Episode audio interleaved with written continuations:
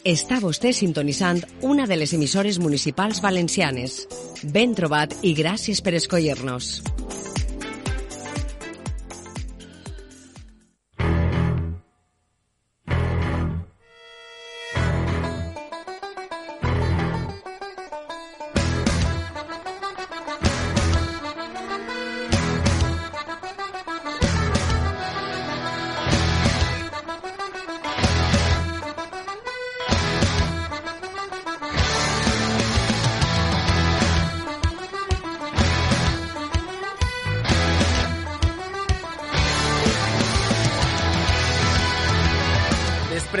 D'una setmana dedicada a llegir la Constitució i a pregar-li a la Immaculada Concepció, ja estem de nou per a si cinema, sèries i avui especialment bandes sonores tornen a Ràdio Godella per als nostres canals digitals i per a tota la xarxa d'emissores municipals valencianes. Benvingudes i benvinguts a este programa número 7 de la decena temporada de Sinestèsia.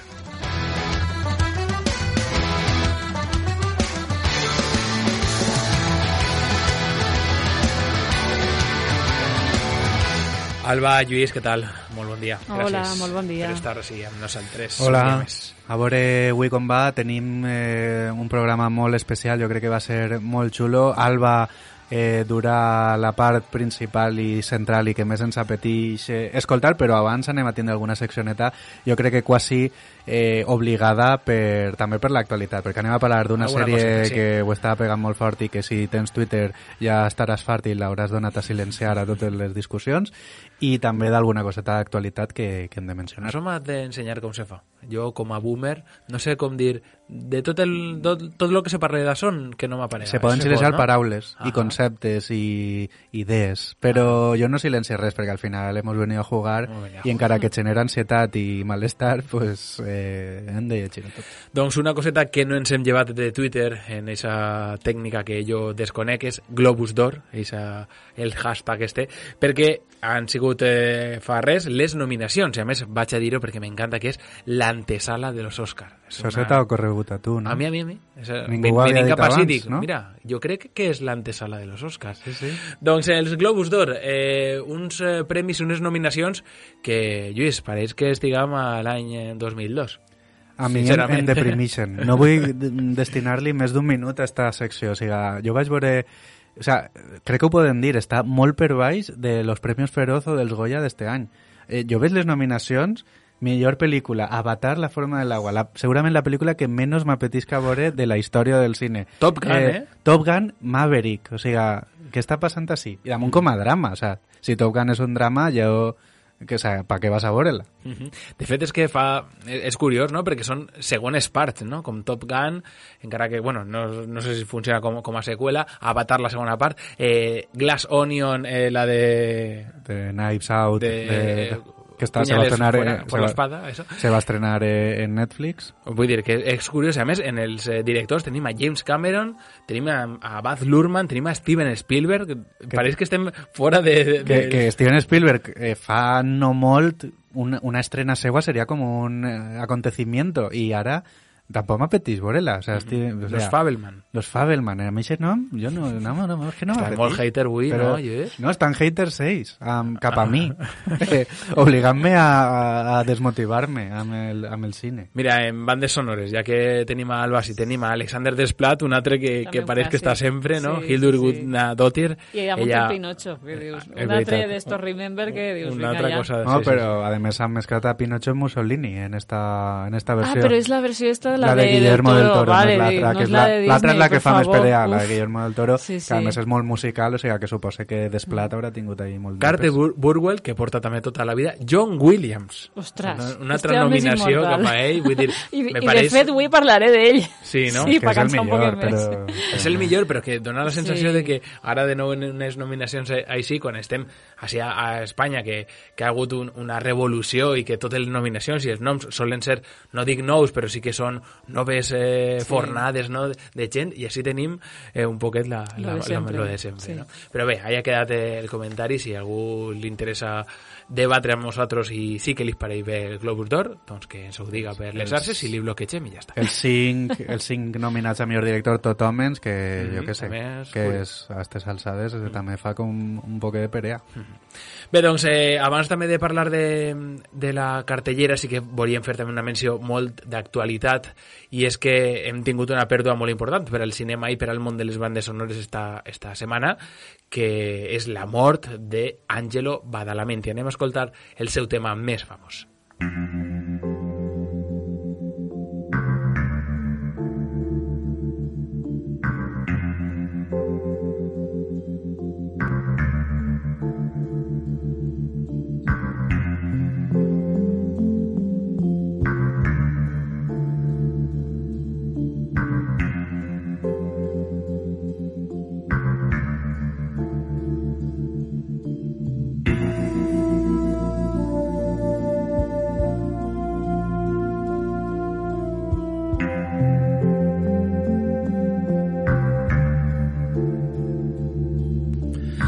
Badalamenti, Lluís, eh, autor d'esta meravella, anomenada Twin Peaks. A mi la veritat és que és una mort que, que em va entristir molt eh, perquè, perquè, bàsicament perquè m'agrada molt la seva obra. Pense que, que tenia una simbiosis molt xula amb David Lynch. David Lynch era capaç de crear eh, imatges molt oníriques i, i t'agradarà o no fa un cine molt diferent al que estàs acostumat i crec que Angelo Badalamenti també proposa això. Crec que és una música eh, que s'allunya de, de lo habitual, pense que també ajuda a recrear aquests mons onírics i, su, i surrealistes, aquestes atmosferes tan màgiques que mai saps on està la realitat, on està eh, la ficció que, pro, que proposa David i, i té diverses bandes que crec que no, no anem a oblidar mai, que pe- pense que, que és un nom potser no tan conegut com alguns dels altres que estàvem esmentant dels Globus d'Or nominats i, i pense que s'ho mereix. També és de veres que ha treballat molt en directors molt concrets, no s'ha obert tant, no ha fet ta- tantes pel·lis comercials com altres, però vaja, esta melodia, per exemple, és que és una meravella. Com deies, amb eh, David Lynch va crear un binomi únic, amb, bueno, també són molt reconegudes els, els treballs que ha fet amb Terciopelo Azul, Mulholland Drive o Una història verdadera, esta última a mi m'encanta la seva banda sonora, i també ha treballat amb Jean-Pierre Genet, amb La ciutat de los niños perdidos i Largo domingo de noviazgo, i parella habitual de, també del cineasta Paul Schrader, amb qui va treballar en cinc ocasions. Així que, jo que sé, una, una menció interessant i a, a Badalamenti. Sí, sí, sí. A veure, jo no puc parlar massa d'ell perquè, clar, com que és el que dèieu, està tan limitat a certs directors, però ara escoltant Twin Peaks pues, pensava, dic, és curiós, les bandes sonores que a voltes no són massa complexes, no és una melodia que digues, "Mm, buah, però és justament la gràcia de la banda sonora, que moltes voltes el més simple és el que més arriba, i això és el més important. tan, tan reconeguda, no? I a més Sí. el so, Sí. ese sintetitzador... Ese sintetitzador que no necessita ni una gran orquestra, ni el millor violoncenista, ni res, res. O sea que és... A mi no sé si me deixeu escoltar un segons Largo Domingo de Noviazgo, sap, jo és que és la meva pel·lícula preferida de, de no sé quina la teva, llista. La teva pel·li de tardor, De tardor preferida, sí. perquè és que mos va preguntar Lucía Márquez per a Cultur Plaza quines escenes o pel·lícules ens recordaven a la tardor Totalment. i Pablo va dir esta. Ah, mira, Totalment. Anem a escoltar-la un poquet, vinga.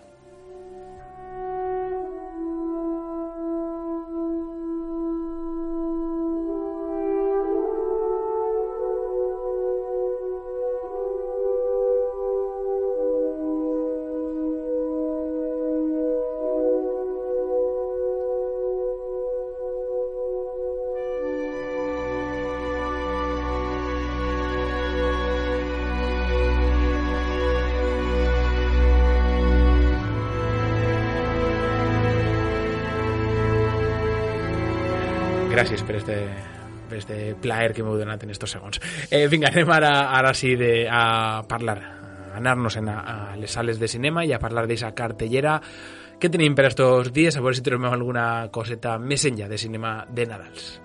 El sentido del agua conecta todas las cosas. Antes de nacer. Y después de la muerte. ¡Esto es nuestro hogar! Te necesito conmigo. Y necesito que seas fuerte.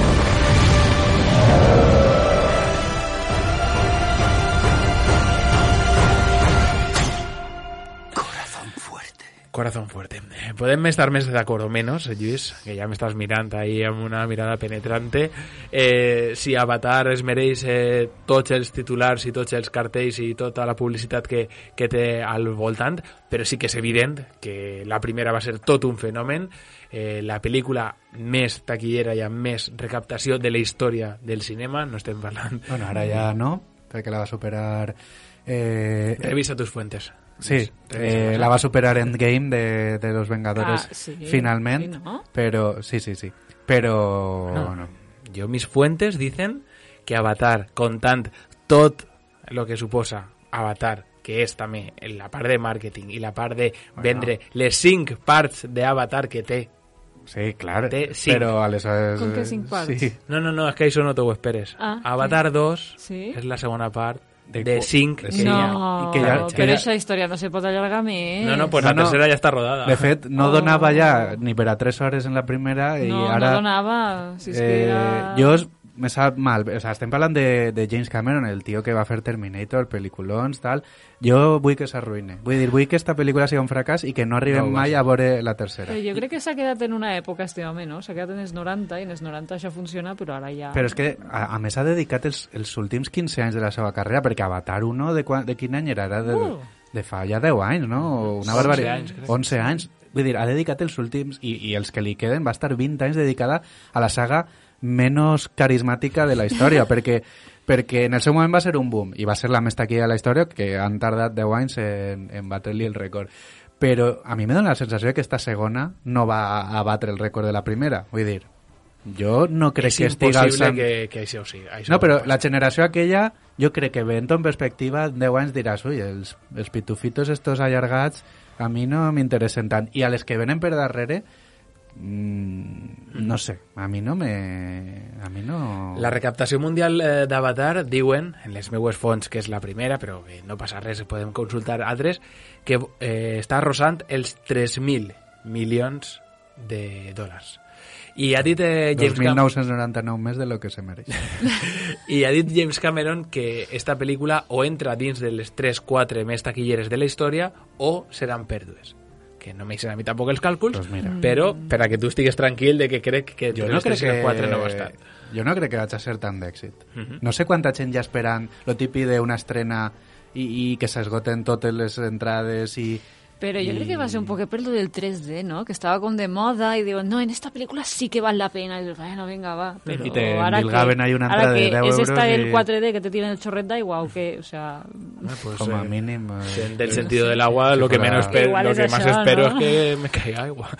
Eh, per cert, tema banda sonora, importante per a, per a comentar simplement perquè, malauradament, ja sabeu, James Horner va morir a 2015 i tot i això, ell eh, doncs, eh, sonarà en la seva obra perquè s'ha agafat eh, el seu treball musical per a continuar en esta segona part. Simon Franklin és el que ha agafat eh, el testimoni i el que portarà el seu score, que es diu. Estarà el, pa- el. Parabarà. El Parabara. Ah, el Parabaram, bueno, que després han copiat Sí. mil milions de bandes sonores, sí. Mhm. No No sé- conec el Simon este, però bueno, copiar James Horner és relativament fàcil, perquè ell se copiava a si mateix, però bueno, no, no estic desmereixent el treball.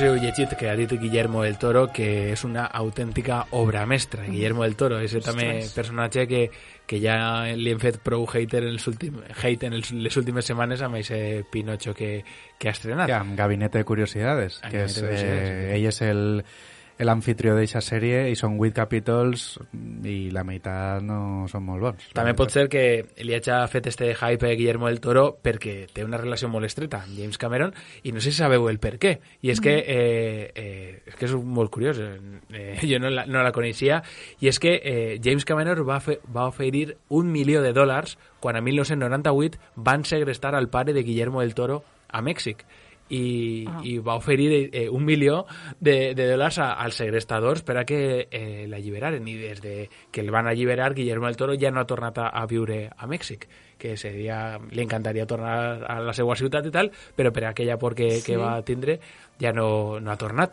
i clar, home, si t'ha donat un milió de dòlars per salvar a ton pare, Sí, home, que menys- que menys que que pelota posar-li un poquet. 10 en Film Affinity a, les, a les seues Que pel·lis. menys.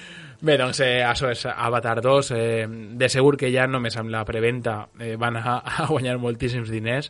Eh, no sé si anirem a veure-la, però eh, ahí està i de segur que estarà moltes setmanes a, a la cartellera. I una altra recomanació d'esta setmana, i amb ella acabem, és El sostre groc, la nova pel·lícula, en este cas eh, documental, d'Isabel Coixet. El recuerdo que tengo es como familia. Todo el mundo quería hacer el taller con él. Carismático, seguro de él mismo. Era como un dios para nosotras, que le admirábamos. Lo que él decía se hacía. Y se hacían ejercicios donde había mucho contacto, mucho piel con Doncs això, eh, Isabel Coixet torna a la gran pantalla, ho fa amb este docu que narra la denúncia que nou dones presentaren contra dos dels seus professors a l'aula de teatre de Lleida en, en l'etapa de 2001 a, a 2008. Eh, els fets ja havien prescrit i el cas es va arxivar però el fet de donar el pas a, a esta denúncia va fer que se tornara a obrir un poquet eh, la porta del procés i, demostrar que no tot estava perdut. Eh, està, este documental està nominat als Goya enguany i de fet és el que unànimament està ja parlant-se entre la gent professional del sector i la crítica com a que és el gran favorit per emportar-se el guardó. Eh, Isabel Coixet, que també és una directora que ens fa perea de vegant quan en les seues propostes, però pense que esta en concret a mi m'apeteix molt Té veure-la. pinta. Té molt bona pinta, és un cas que s'ha de contar i, i crec que, a més, ho ha contat d'una manera molt rigorosa i molt ben feta que, que, que crec que pot ajudar també a que se torni a posar en el centre del debat això. I a més a més ese to de thriller, que és eh, allò que han alabat de la pel·lícula, que t'estàs oblidant en algun moment en què és una història real, perquè està muntada d'una manera molt cinematogràfica, entenem-ne així com a una pel·lícula de ficció, d'acció o de, de, de nervis a l'hora de, de saber les valoracions d'un jutge o, coses així, no? I aleshores eh, s'està, t'estàs adonant de que, de que quan t'adones que és una, una pel·lícula real encara te dona més eh, el cop no? de, de, de realitat. No? Parlem mo, molt bé d'ella i, per cert, va estar gratis i online a Radio Televisió Espanyola a partir de 2023, o sigui que també una bona manera de veure-la des de casa. Eh, res, eh, tenim alguna llista més de- d'estrenes, de, però si vos pareix anem a passar a, a la crítica que tenim esta setmana, perquè si no ens quedarem sense temps d'escoltar eh, bandes sonores, que és a lo que hem vingut avui, Alba, així que preparat. Anem a parlar un poquet d'autodefensa. Belén, esto es el fin, te lo juro. No hay nada de comer en la nevera, hay como un ketchup y un yogur. Belén, parecemos dos vagabundas, va en serio, tía. Hemos tocado fondísimo, tía. Pero fondísimo. Va en serio, va muy en serio. O sea, lo vamos a dejar las drogas ya. Es que ni coca, ni keta, ni speed, ni LSD, ni porros, ni marihuana, ni M, ni opio, ni GHD, ni, ni nada. Ni res de res. Doncs no, no, no se piquen res, estes dos eh, xicones. dos joves, companyes de pis que viuen aventures diàries boixes, sense cap complexe, ni, ni tabú, ni, ni cap ordre, que accepten. No volen que els diguen què ni com han de fer les coses, però en realitat tenen molta por i es divertixen per defensa pròpia, és a dir, per autodefensa. I així es ven esta sèrie de 10 capítols de filming i ses dues temporades molt apretadetes, són dues temporades de 5 i 5 que jo crec que ha sigut més un tema de màrqueting que, que una altra cosa i que està sent la revolució audiovisual d'este 2022, ja no sé si per, per, per si el contingut que, que mostra, sinó també per tot allò que han construït al voltant, xarxes i, i que ha treballat molt bé, la veritat, filming en este, en este cas. No sé què, què vos pareix, eh, si l'haveu vista sencera i si voleu donar la vostra opinió o no, perquè tot el món està donant la seva opinió i jo també estic un poquet esgotat, estic a punt de posar eh, autodefensa en, en Twitter com a paraula que no vull que, que torni a eixir-me. I no perquè no, no m'hagi agradat, sinó perquè tot el món opina de tot i a més d'una forma massa vehement com perquè la seva, la seva opinió sempre és la, la correcta. Lluís, Alba, no sé si vol... Alba, per favor. Jo la veritat és que no puc tindre una única opinió sobre esta sèrie, perquè cada capítol és com una cosa... A veure, té una línia, però cada capítol és un món.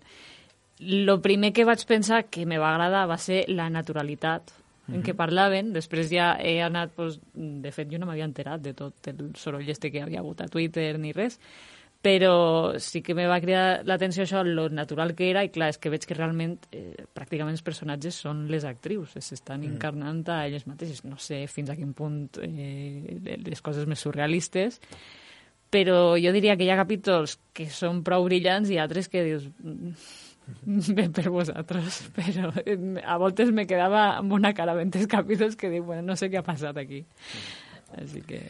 Sí, eh, crec que aquí el gran problema és que moltes de, dels debats que s'han eh, estès per, per xarxes socials no tenen a veure amb, amb la sèrie en si, sinó amb elles. Eh, crec que han capitalitzat molt del hate, eh, bàsicament se les suposa que són unes pijes de Barcelona, que ja és diguem, una tribu urbana que ja cau mal. Eh, Però la gràcia està en que ells mateixes Sí. se tiren pedres. caure Hi ha un capítol que, que ells estan dient sí, sí, sí, és que som així un poquet prepotents i cregudes i, i quan i tenen, se burlen. i quan tenen i quan fan cons, eh, autoconsciència per a intentar ser millors persones acaben sent més, Eixe. més miserables no? Eixe- És eixe capítol, per a mi és dels millors, sí, té, capítol. ahí té una autocrítica molt Sí. forta Eh, jo sí que crec que, que també el, els personatges i les actrius se pareixen, tenen Sí. versemblances molt, molt grans.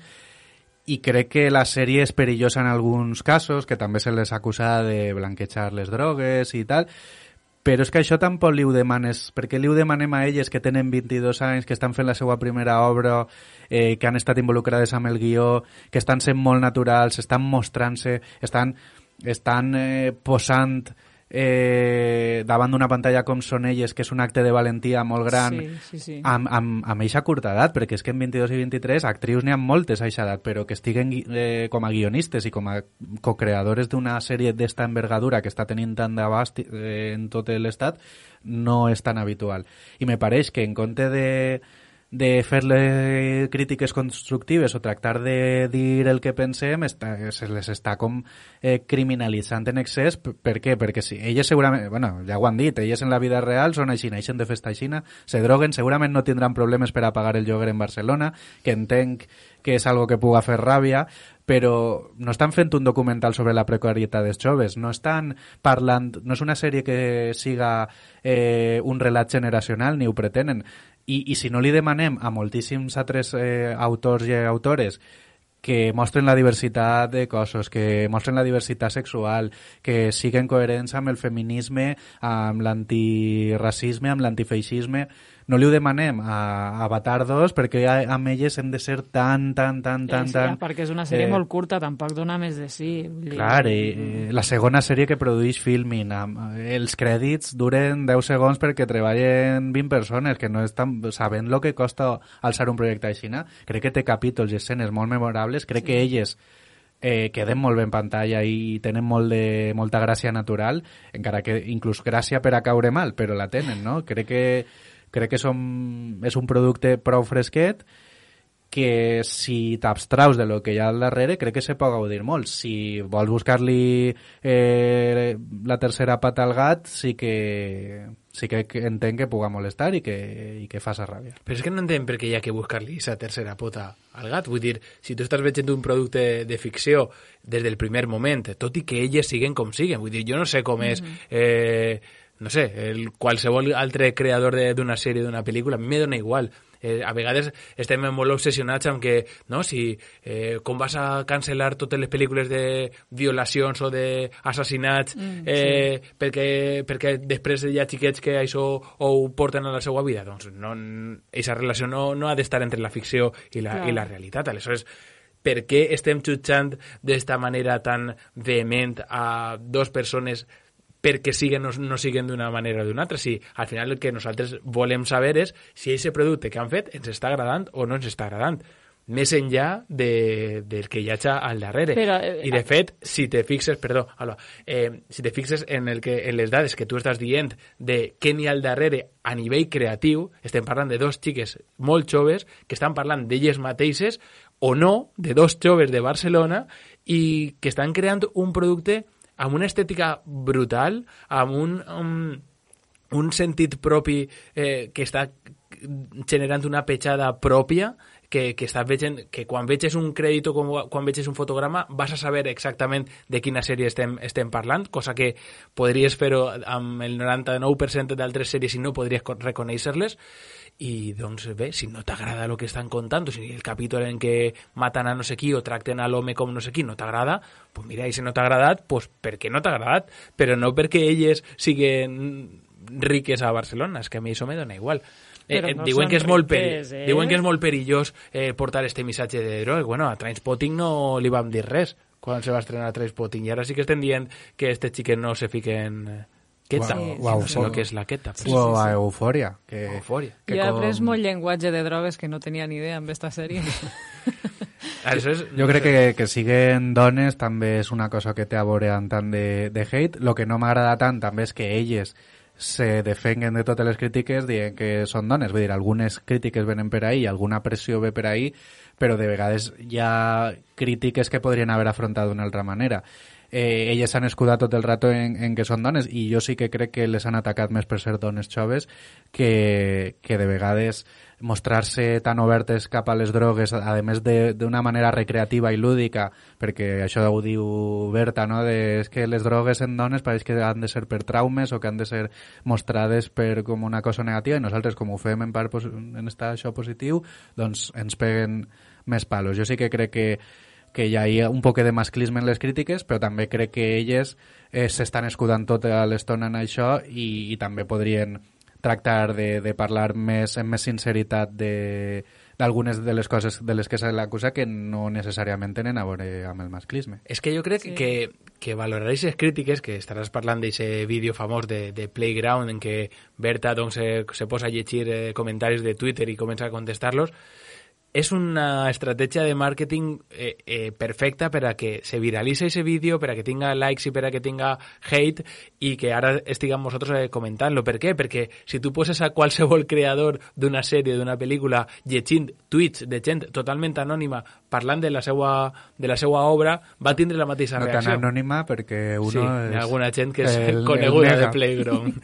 però, però el que vull dir és que eh, no mm, està, es, estàs valorant 5 tuits o 10 tuits, tuits ficats mentre estic veient eh, la sèrie al portàtil amb el mòbil en la panxa dient el que me rota per als meus 500 seguidors. Vull dir, això no arriba a ser... Eh, no, no, no té valor que, que el, el creador estiga eh, això valorant o no si és una crítica si me digueres que, que és una crítica construïda d'alguna persona amb molt de, de criteri, però llegir quatre tuits i contestar-los podries fer en qualsevol altre eh, producte i te generaria el mateix de- d'odi o no cap a ella.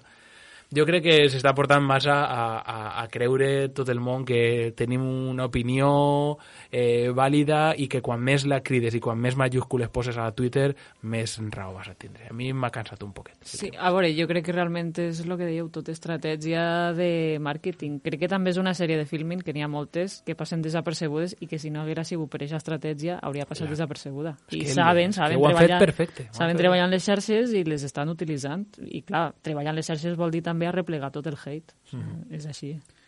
Eh, sí, pensé que, que també cal que, que filmin, se puguen proposar eh, este tipus de projectes i, i, i obrir un poquet el, el ventall i el de veres que quan ho fan des de fora no li busquem a tot tant de, tant de sentit. Eh, hem, hem demanat també l'opinió a, als nostres seguidors Sí, eh, tenim, per si Twitter, te per pareix, Instagram. en primer lloc un àudio. Tenim inclús un àudio eh, agraïm un muntó a, a Empar, Empar Puerto de, de Chen Random, el millor programa del món i Empar, que és molt bonica, ens ha enviat un vídeo que hem hagut d'editar, ella ja està avisada perquè se'ns passava un poc de, de temps, però que Empar ens dona els seus motius i les seues raons de, de per què li ha agradat i el que pensa de la sèrie. Jo d'entrada d'entrada vos he de dir que jo fa un... tres anys eh, no hauria passat el primer capítol perquè m'hauria resultat la cosa més frívola del món.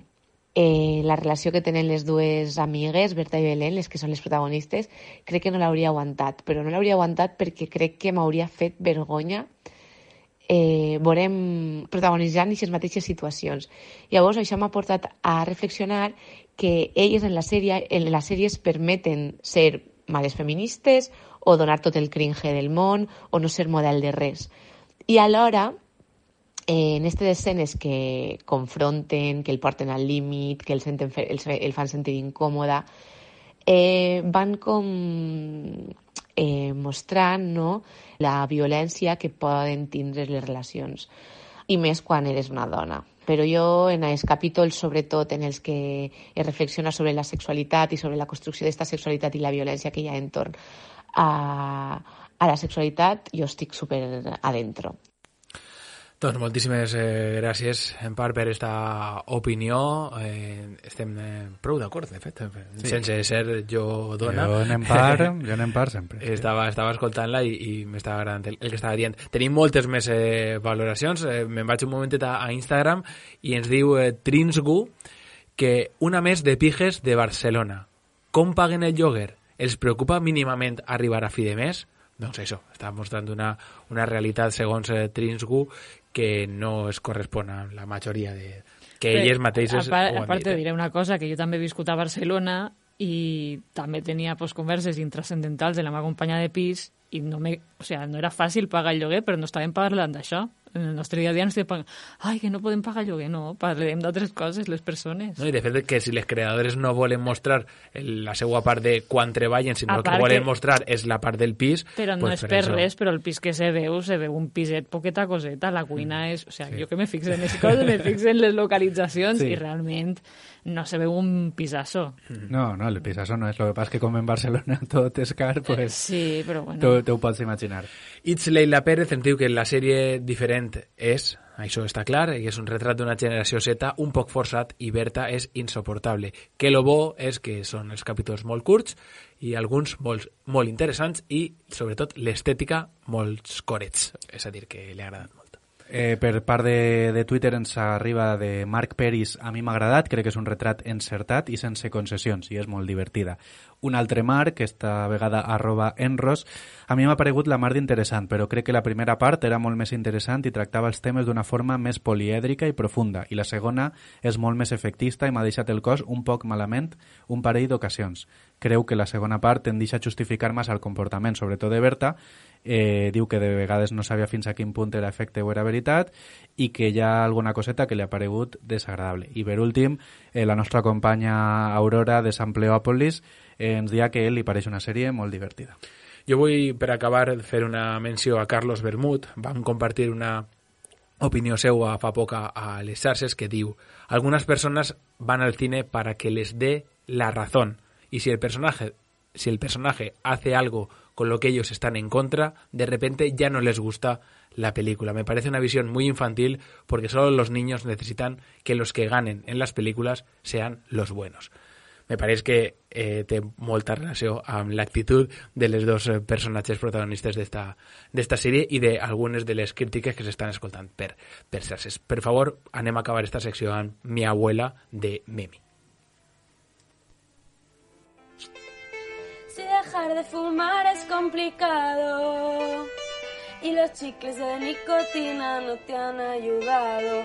Si has llorado en el intimissimi, porque tus tetas eran minusculissimi. Si te has tatuado la palabra arte, pero ahora no consigues hallarte. Si tienes un colega muy jodido y con mucho miedo has huido. No tengo consejos que darte, te recomiendo refrescarte. Prende ese piti para salvarte, aunque en verdad no va a salvarte, vas a tener que motivarte. Vas a tener que motivarte. Hacemos la parte final también.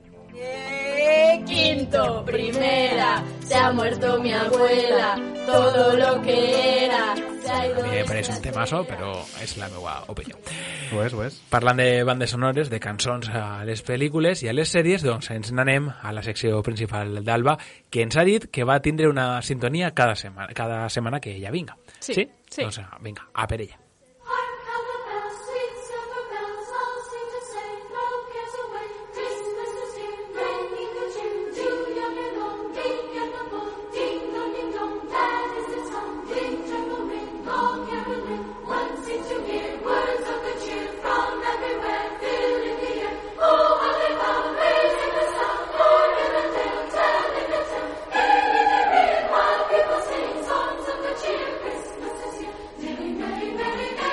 Avui com a contrast absolut, o sigui, venim parlant de- d'autodefensa i ara passem al Carol of the Bells de Solo en casa, o sigui, és un contrast brutal, però clar, és que estem ja a les portes del Nadal i jo he volgut preparar una coseta, un poquet de brilli-brilli, no?, en el Nadal. De fet, la gent no te veu, però has vingut fins i tot vingut, amb un sí, jersei, de, jersei, de claro, Winter claro. Sí, sí, sí, sí, mira, estic jo este any molt tematitzada.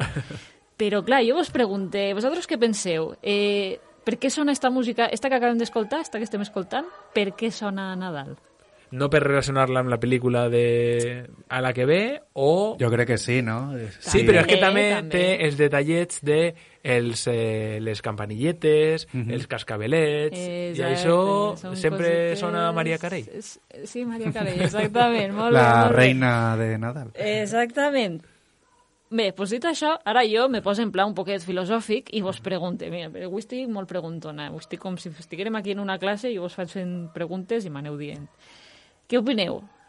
Escoltat això, la música significa?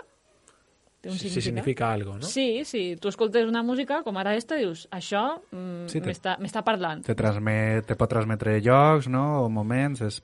Però a nivell universal, dius? Perquè, de veritat, no, no sé de, de què vas a parlar, Alba, però sí que és veritat que a vegades pense, bé, això eh, no sé des de quan s'ha creat, perquè a 1600 també sonava això a Nadal. Bueno, però al O a- final- O, a- o quan Jesucristo...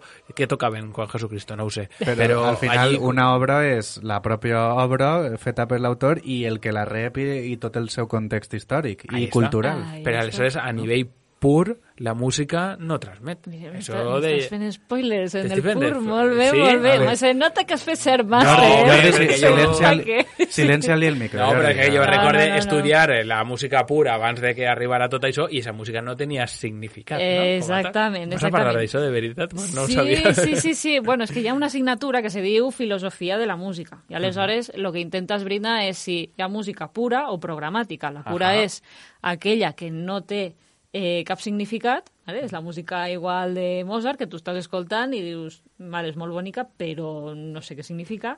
I després està la programàtica, que vol dir que té un programa que té alguna cosa associada al seu voltant. Eh, clar, tot això hi ha una discussió, una assignatura molt farragosa, per cert, que està ahí, però ara us torno a preguntar.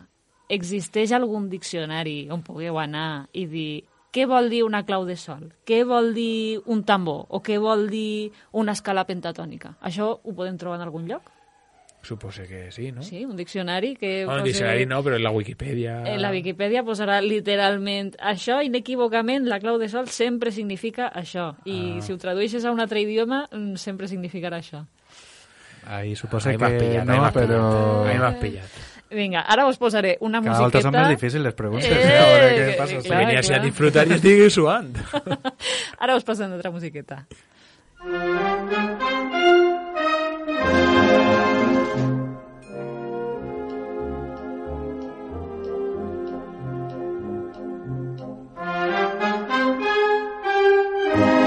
Imagine que tots els que ho esteu escoltant Per de punta. O sea, sí.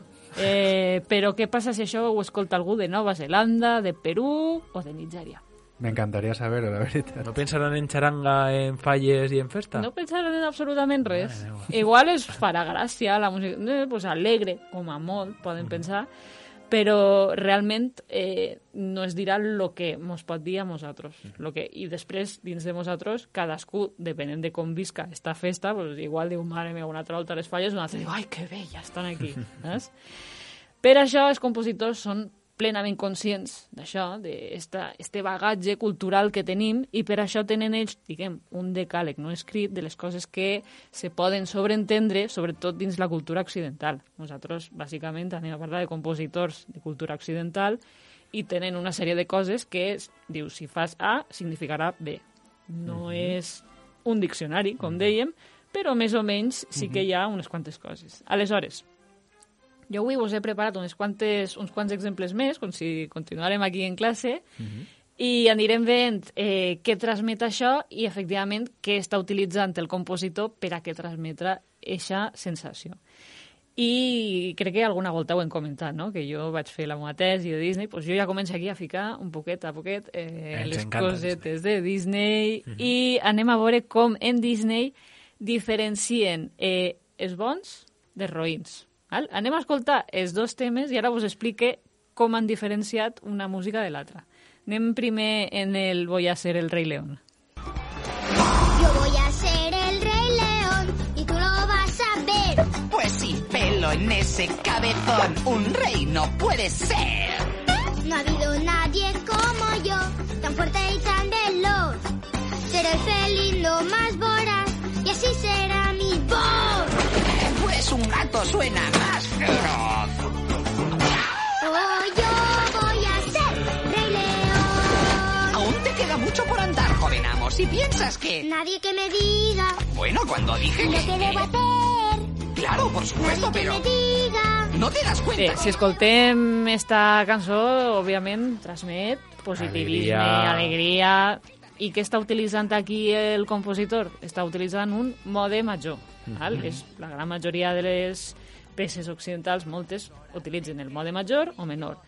I normalment el major considerem que és alegre i el menor que és més trist, més fosc, i és per això que els temes dels antagonistes, com el Preparaos d'Escar, sona més fosc. Anem a escoltar-lo. No podéis razonar sin error. Oíd mi canción, muy atentos. No habrá un momento mejor. Tenéis el instinto atrofiado. No oléis a carroña real. Bé, eh, se nota la Bajón, diferència, sí. ¿no? Sí. Bajona total, bueno, i, i un poquet mal rollero, no? Scar, ja sabem.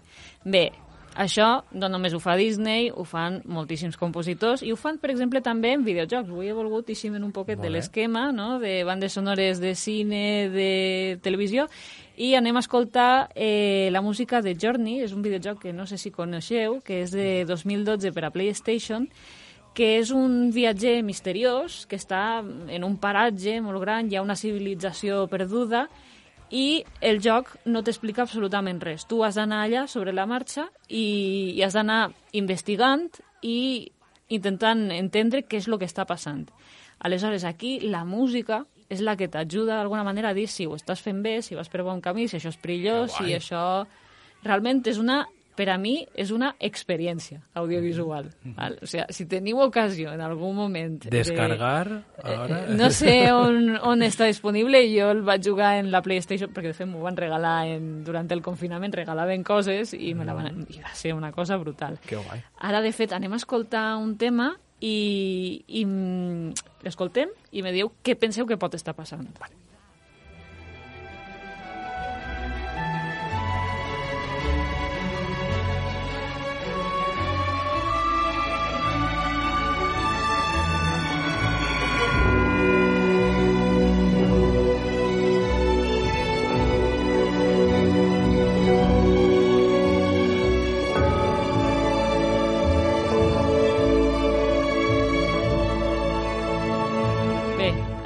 Què penseu, què opineu, què pot estar... A mi em remet a aventura i a estar endinsant-te dins de algo que acabes de descobrir, que lo típic que apartes quatre plantes i n'hi ha una ciutat perduda, una cosa sí, així. sí, sí, sí. Així, un to èpic, també, no? Mhm. Bé, eh, no vull fer massa spoiler, tampoc, del videojoc, però este és un moment prou important. De fet, el tema se diu apoteosis, perquè és un dels Mhm. moments més apoteòsics on el personatge pot fins i tot, durant tot el videojoc, fa intents com de volar i aquí finalment pot volar Ah. i va fent eixe ascens, com una espècie d'ascens al cel. I això com ho fa la música? La Pujant, música també. va pujant en l'escala musical. De manera ho, ho va transmetent. Molt guai. Bé, i ara, eh, ara que hem escoltat això, anem a passar a un altre tema, un poquet diferent. Eh, I ara, en esta cançó que escoltarem, eh, m'heu de dir si penseu, a veure si escoltem exactament el que jo volia, si penseu que els personatges estan d'acord o estan enfadats. Anem a veure.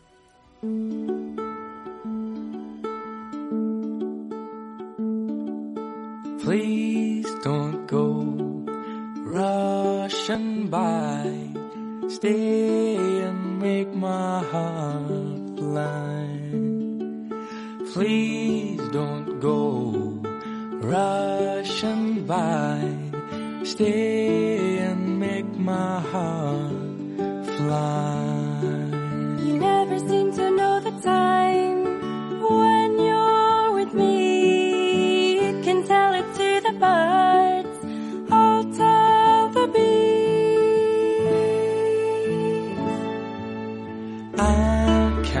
Anem a escoltar tot el fragment, però si continuem escoltant, continuem escoltant aquestes veus tan boniquetes. Què opineu? Eh, estan d'acord? Ella l'ha deixat. I ell està darrere d'ella dient, per favor, no te'n vagis o alguna així. Però estan No, I no sé el que Estan estaven dient. enamorats. Estan enamorats. Estan enamorats. Estan enamoradíssims. És, és un moment, el típic, estan ahí en l'escala i ell li diu, me deixes entrar? I ella, sí, però no, sí, però no. Però bueno, el cas és que, com ho fan en la música? Quan estan cantant al mateix temps, en esta peça, eh, tenen el que se diuen intervals consonants. És a dir, són notes musicals que entre elles sonen molt bé. Val? Poden ser consonants o dissonants, que és el fragment que anem a escoltar a continuació, que el que escoltem són intervals dissonants, que vol dir que no sonen bé. Però això és també un poquet per tradició occidental, perquè considerem que determinades distàncies mm, són lletges, no sonen bé. Això normalment s'utilitza molt en el cine de terror, però també en esta peça de Ennio Morricone, val? també s'utilitza. Anem a escoltar-lo.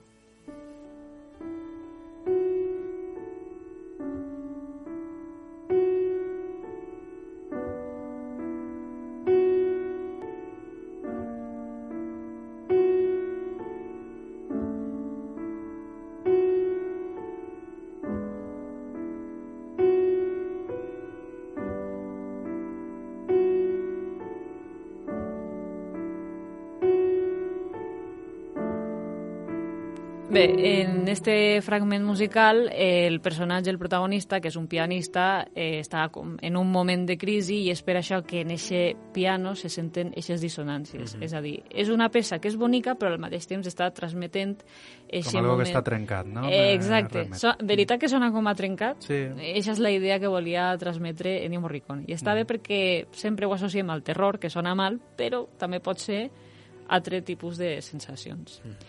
Bé, i ara anem a passar també una secció prou àmplia, que és la que té més relació en el Nadal, com parlàvem al principi, que és l'ús de determinats timbres o instruments musicals. Mhm. Anem a escoltar, anem a continuar en esta dinàmica d'anar escoltant fragments i me dieu què, què vos transmet. Per exemple, esta que ve aquí ara,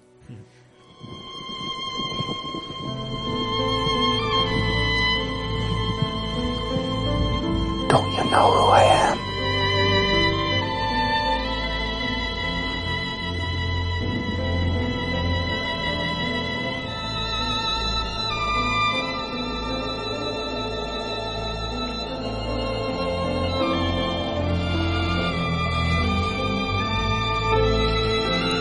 Bé, eh, què vos transmet este?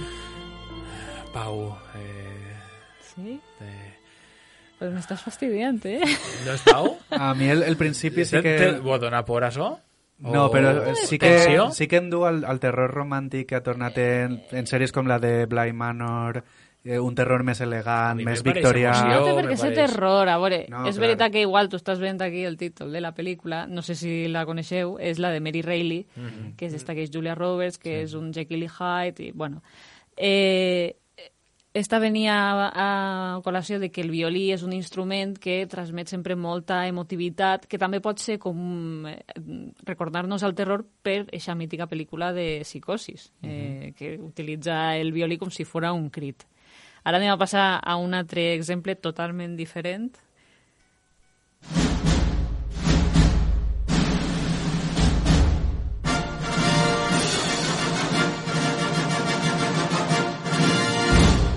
Transmet això? Palomitas. Comença la pel·li. ja comença, exacte. No, bé, això és èpic, això és...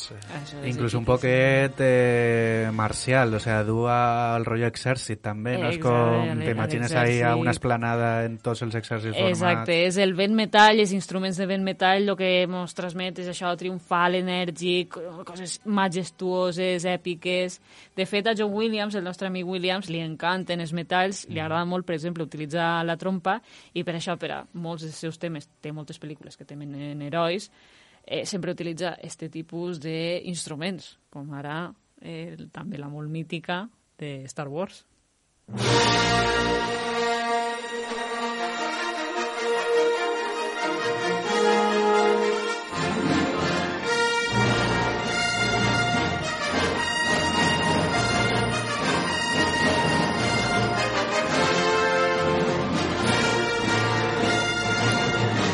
Ara anem a canviar una altra volta. Aquí pareix avui el programa dels contrastos. Ara anem a escoltar un altre fragment eh, que és de lo que és un conte de fades. Anem a veure com sonen els contes de fades.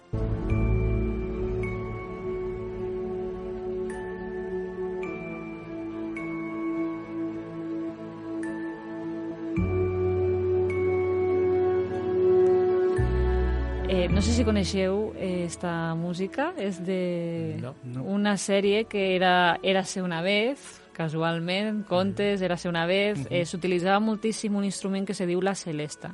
Que sempre- també sona molt a Nadal, també, no? Que Exacte, parlàvem al també, principi, eh, no? efectivament. Per què? Perquè la celesta o el glockenspiel són un tipus d'instrument de percussió que estan tradicionalment associats als contes de fades. Això, per exemple, el nostre amic Williams ho sap molt bé i és per això que per a Harry Potter, que és un, una pel·lícula que té temàtica màgica, un poquet de conte de fades, utilitza precisament per al tema principal precisament el glockenspiel.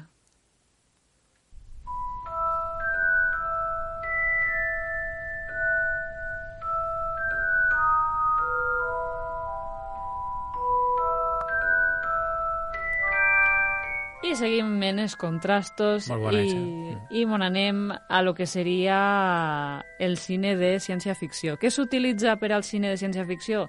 Com sonarà el futur? Sabeu com sonarà el futur? Màquines, soroll, Màquines, Exacte. I això en un instrument com pot ser? pues algo digital. Eh, efectivament. Anem a escoltar un mitiquíssim altre exemple.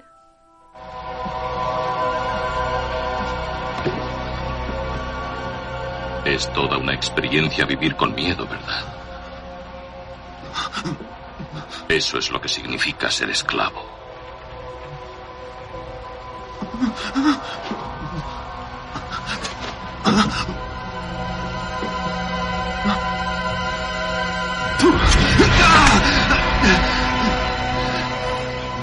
Eh? Blade Runner. Blade Runner... Exacte, eh, Evangelis, no? Era... Evangelis, efectivament, i després, precisament, en Blade Runner 2, eh, la pren Hans Zimmer i intenta un poquet recuperar aquesta idea de sintetitzadors a tope. Molt bé. Bé, i Super. he explicat això, molt anem al Nadal. Val? Ja Bien. per a tancar esta secció no, de temes de, de què s'utilitza, òbviament estàvem dient que el Glockenspiel i la Celesta, que és dels contes de fades, òbviament també sonen el Nadal, perquè el Nadal té aquest punt de conte de fades, de màgia, i ara anem a escoltar també, és que avui, mira, avui estic en temes molt, no pare de repetir mítics, però és que és així, és, són, són clàssics. Anem a escoltar...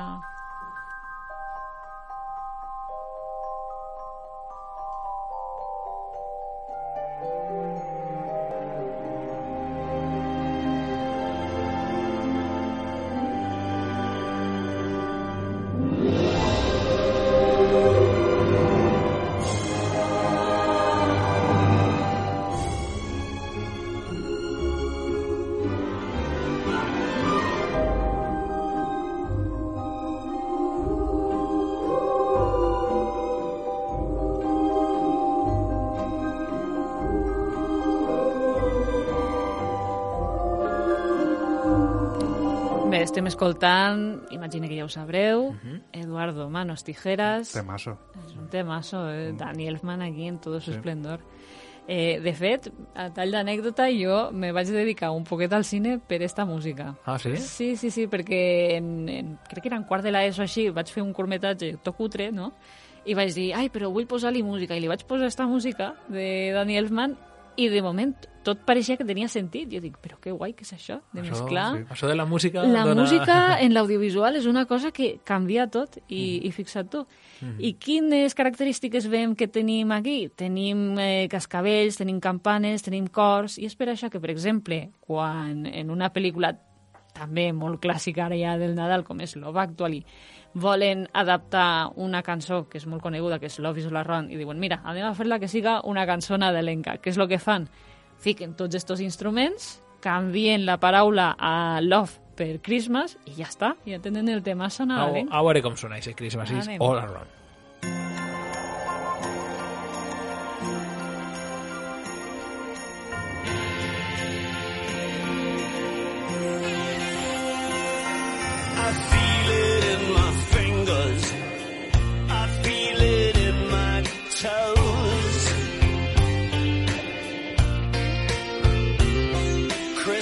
voices all around me. And so the feeling grows. It's written in the wind. Everywhere I go.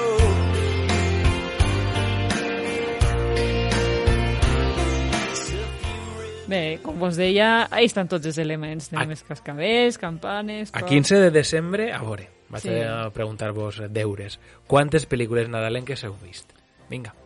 Vinga. Jo- Lo Factual, i quantes Mm. vegades porteu ja en este mes? Ni una. Que clar. Ni una. I eh, vaig a intentar aguantar un poc. és que esas coses... És que saps què passa? Que m'han llevat, m'han llevat el, el catàleg de Netflix, que no tinc cap pel·lícula veure. Però és que a mi en Nadal, o sea, crec que m'a- m'apetiria més veure-les en agost que en Nadal. A mi Ui, clavar-me Nadal fa tant, perea, a mi eh? clavar-me tant en la situació de que ara toca això i, i que sigui un bombardeig tan constant m'agobia molt. Sí. Vas al supermercat i ja no te fiquen tampoc música normal, són tot este- és que campanetes. estem des d'octubre, I, I eh? és que al final t'obrin el cap. Jo No teniu il·lusió per la vida, ni No, per que Nadals, ni per la, el vostre xiquet que porteu dins. Eh, de veritat, jo ja he vist Home Alone, solo en casa. Sí, això sí. Me A pareix veure, jo ja m'he posat el jersei, jo ja Vale, he complit. Lluís, Eh? Jo absolutament res. Per a mi, jo celebrar els Nadals amb, amb el fracàs d'Avatar 2. és la meva manera de celebrar-ho. Bé, doncs eh, hem arribat a la fi d'este programa. Alba, moltíssimes gràcies per les teues classes, perquè de veritat que tanque els ulls i m'imagino estar en una universitat o en una classe Se mos estan convalidant 60 crèdits Claro que en, sí, en qüestió ja de està. moltes menys I hores. m'encanta perquè, a banda de que ho hem estudiat i que tenim aquesta base, encara així anem trobant coses i sobretot els teus exemples doncs sempre són super identificatius, o sigui, moltes Sí, gràcies. ha sigut A un plaer, gràcies. gràcies. Ha sigut, com sempre, molt bonic. Cançó final, Lluís. Doncs ens arriba per part de, de Diego, de Mother Wisher, que encara que no li agrade el agua i Espíritu Sagrado és un bon amic que sempre per xarxes ens acompanya. Eh, moltes gràcies, Diego, per la recomanació. I ens diu eh, que volia que sonara On the Nature of Daylight, que suena eh, más extraño que la ficción, en Shatter Island y sobre todo en La Llegada. Això eh, ens dia, així que moltes gràcies, Diego. Acabem amb, amb la teua recomanació, eh, molt xula. I, Doncs I no res, eh, ja sabeu que ens podeu enviar les vostres propostes per a que sonen al final del programa. Doncs desitjar-te bones festes, Alba, mos vegem Sí. en, i ens escoltem en 2023, Exactament. recordant a la gent que s'està escoltant que la setmana que ve encara queda un programa i vindrà Manu per a tancar el cercle Segurament en coses d'este més 2022. turbies sí, que- un poquet més que que ha dut Alba. que Christmas is all around però també igual de, de, de guai moltes gràcies Alba i gràcies A a, tu també Ens escoltem la setmana que ve en el programa 8. Aprofiteu esta setmana per a veure molt bon cinema i bones sèries. Gràcies. 有。